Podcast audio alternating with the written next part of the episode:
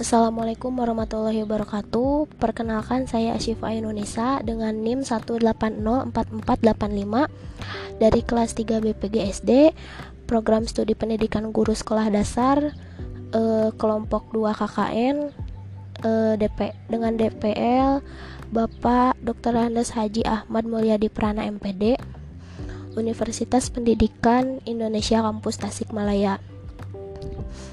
E, di sini saya mengambil tema program e, membangun desa melalui bidang pendidikan. Untuk lokasi kegiatannya, saya berlokasikan di SDN Maruyung 2 yang berlokasikan di Desa Kota Mandiri, Kecamatan Tanjung Sari, Kabupaten Sumedang. Untuk waktu pelaksanaannya, saya e, melaksanakan kegiatannya dari tanggal 1 Juli 2021 sampai e, 3 Agustus 2021 dengan program unggulan yang saya fokuskan e, pada tiga yakni pada guru, siswa, dan orang tua siswa e, di antaranya yang pertama penguatan dan pendampingan kepada guru dalam pembuatan media pembelajaran online melalui Google Classroom dan Google Formulir. Yang kedua, pengenalan cara menggunakan aplikasi Google Classroom dan Google Formulir kepada siswa dan orang tua siswa. Selanjutnya, pendampingan pembelajaran online kepada siswa bersama guru melalui media pembelajaran Google Classroom dan Google Formulir. Uh, yang terakhir, pendampingan kepada orang tua siswa melalui membagikan tips membimbing anak belajar dari rumah pada masa pandemi COVID-19. Untuk pelaksanaan KKN secara keseluruhannya eh, yakni dimulai dari tanggal 2 Juli yakni diawali dengan kegiatan diklat dan sosialisasi bersama LPPM UP. Lalu pada tanggal 4 Juli saya membuat eh, memprint surat pemberitahuan dan merencanakan rancangan program yang akan saya lakukan. Nah, untuk tanggal 5 Julinya saya memberikan surat pemberitahuannya kepada sekolah uh, eh, SDN Maruyung 2 maupun kepada desa yaitu de Desa Kota Mandiri. Uh, karena sekolah masih dalam libur semester, maka di sini saya mengisi waktu kosong saya dengan pembuatan poster edukasi penanggulangan COVID, lalu saya uh, posting di media sosial Instagram. Dikarenakan sekolah masih libur dan uh, tidak tidak ada kegiatan pembelajaran dan memang tidak boleh adanya kegiatan pembelajaran. Jadi di sini saya e, mengisi waktu yang kosong dengan mengikuti e, piket di sekolah uh, ta dari tanggal 7 Juli sampai dengan tanggal 9 Juli.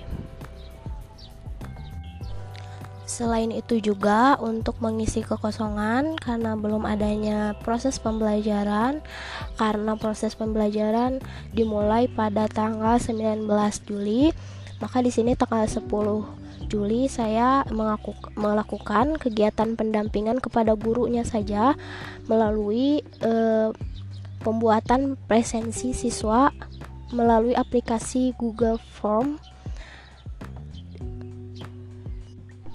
dan saya juga e, membuat poster-poster kegiatannya lalu di aplikasi mohon maaf lalu dipublikasikan di e, media sosial Instagram.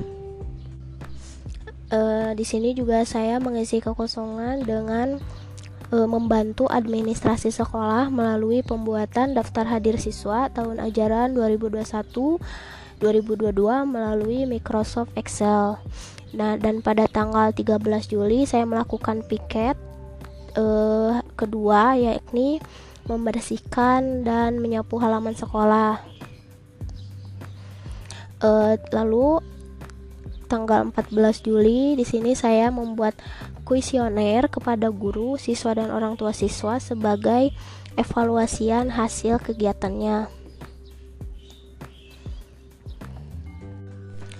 Lalu pada tanggal 16 Juli di sini saya e, kembali mengadakan penguatan media pembelajaran kepada gurunya melalui e, penggunaan cara menggunakan Google Classroom untuk e, proses pembelajaran daring.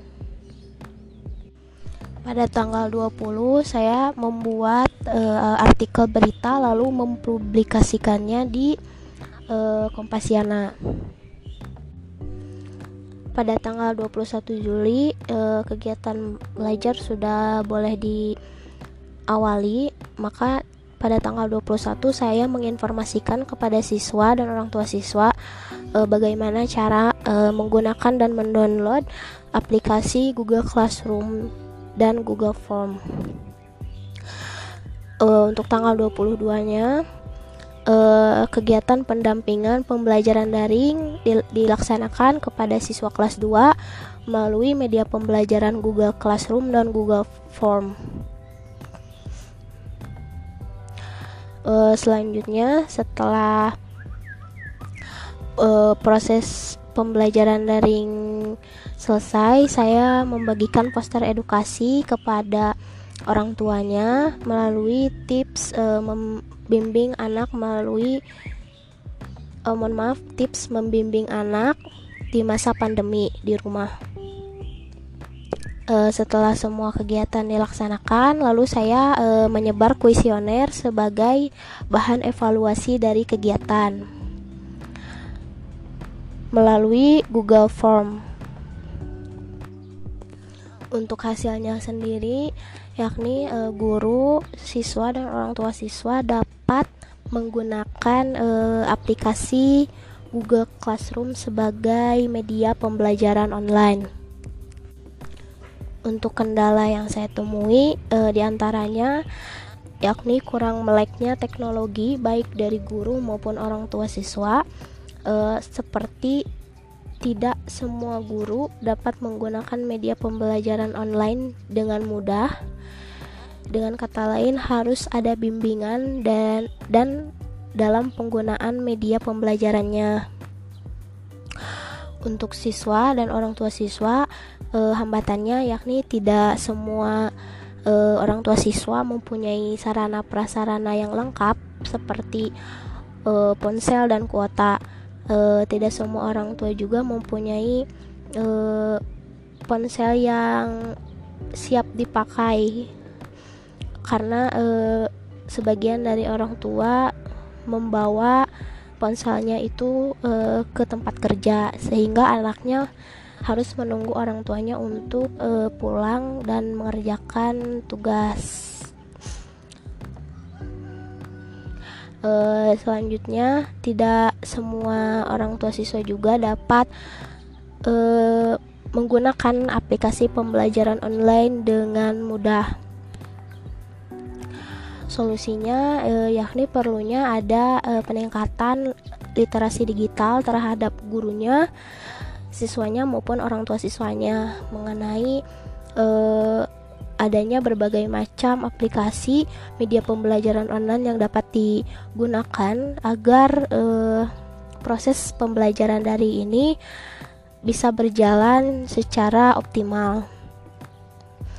Uh, kesan saya selama KKN uh, eh, saya banyak sekali mendapat pengalaman secara langsung di lapangan uh, dan mengenal bagaimana situasi dan kondisi uh, dalam proses belajar mengajar secara online uh, di sekolah itu seperti apa.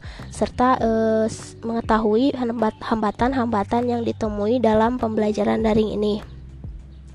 Untuk harapan uh, semoga KKN tahun depan lebih baik lagi dari KKN sebelumnya dan mem memiliki uh, kegiatan yang lebih variatif dan dapat uh, meningkatkan motivasi mahasiswanya gitu. Tidak hanya uh, terus menerus online seperti ini. Uh, sekian dan terima kasih. Wassalamualaikum warahmatullahi wabarakatuh